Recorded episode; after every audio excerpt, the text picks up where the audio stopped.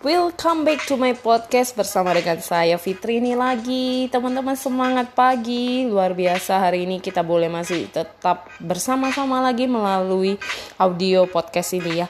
Dan harapan saya semoga apa yang saya bagikan boleh terus bermanfaat buat teman-teman dan boleh terus teman-teman uh, stay tune untuk boleh menjadi inspirasi. Nah teman-teman hari ini apa sih yang uh, menjadi struggle teman-teman ya di saat mungkin anda yang sudah menanjak remaja, anda yang sudah menanjak uh, youth ya atau anda yang sudah anak kuliah, karyawan, pekerja atau pembisnis masih ada nggak sih sesuatu yang kalian masih kayak pikirin gitu, aduh hmm, aku masih punya target nih next year atau dua tahun lagi aku harus sampai apa. Nah teman-teman kadang ada nggak sih sesuatu yang membuat kalian jadi uh, khawatir was was rasa rasanya kayak aku harus maju tapi takut ragu dan sebagainya.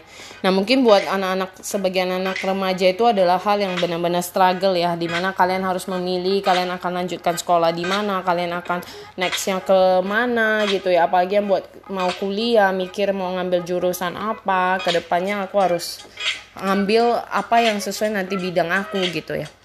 Nah teman-teman itu juga yang saya pernah alami di saat usia tersebut. Dan saya menyadari bahwa ternyata survei yang dilakukannya banyak juga orang mengalami hal stucknya di titik tersebut. Ada struggle-nya aja gitu.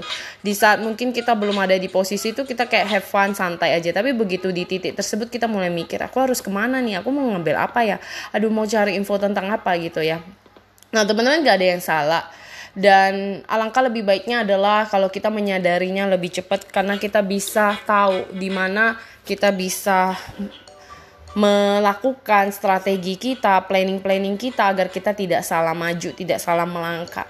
Dan yang sering terjadi saat ini adalah banyak orang mengalaminya adalah bahwa di saat mereka tidak memikirkan matang-matang, mereka malah nyesel karena benar-benar nggak mempersiapkannya. Tapi bukan untuk menyalahkan diri kita atau bahwa hidup kita sudah berakhir, justru kita wajib untuk melakukan setiap planning agar kita tidak salah melangkah. Jadi buat teman-teman yang sekarang masih struggle tentang uh, your future atau something yang buat kamu mikir harus go ahead atau move on atau enggak gitu.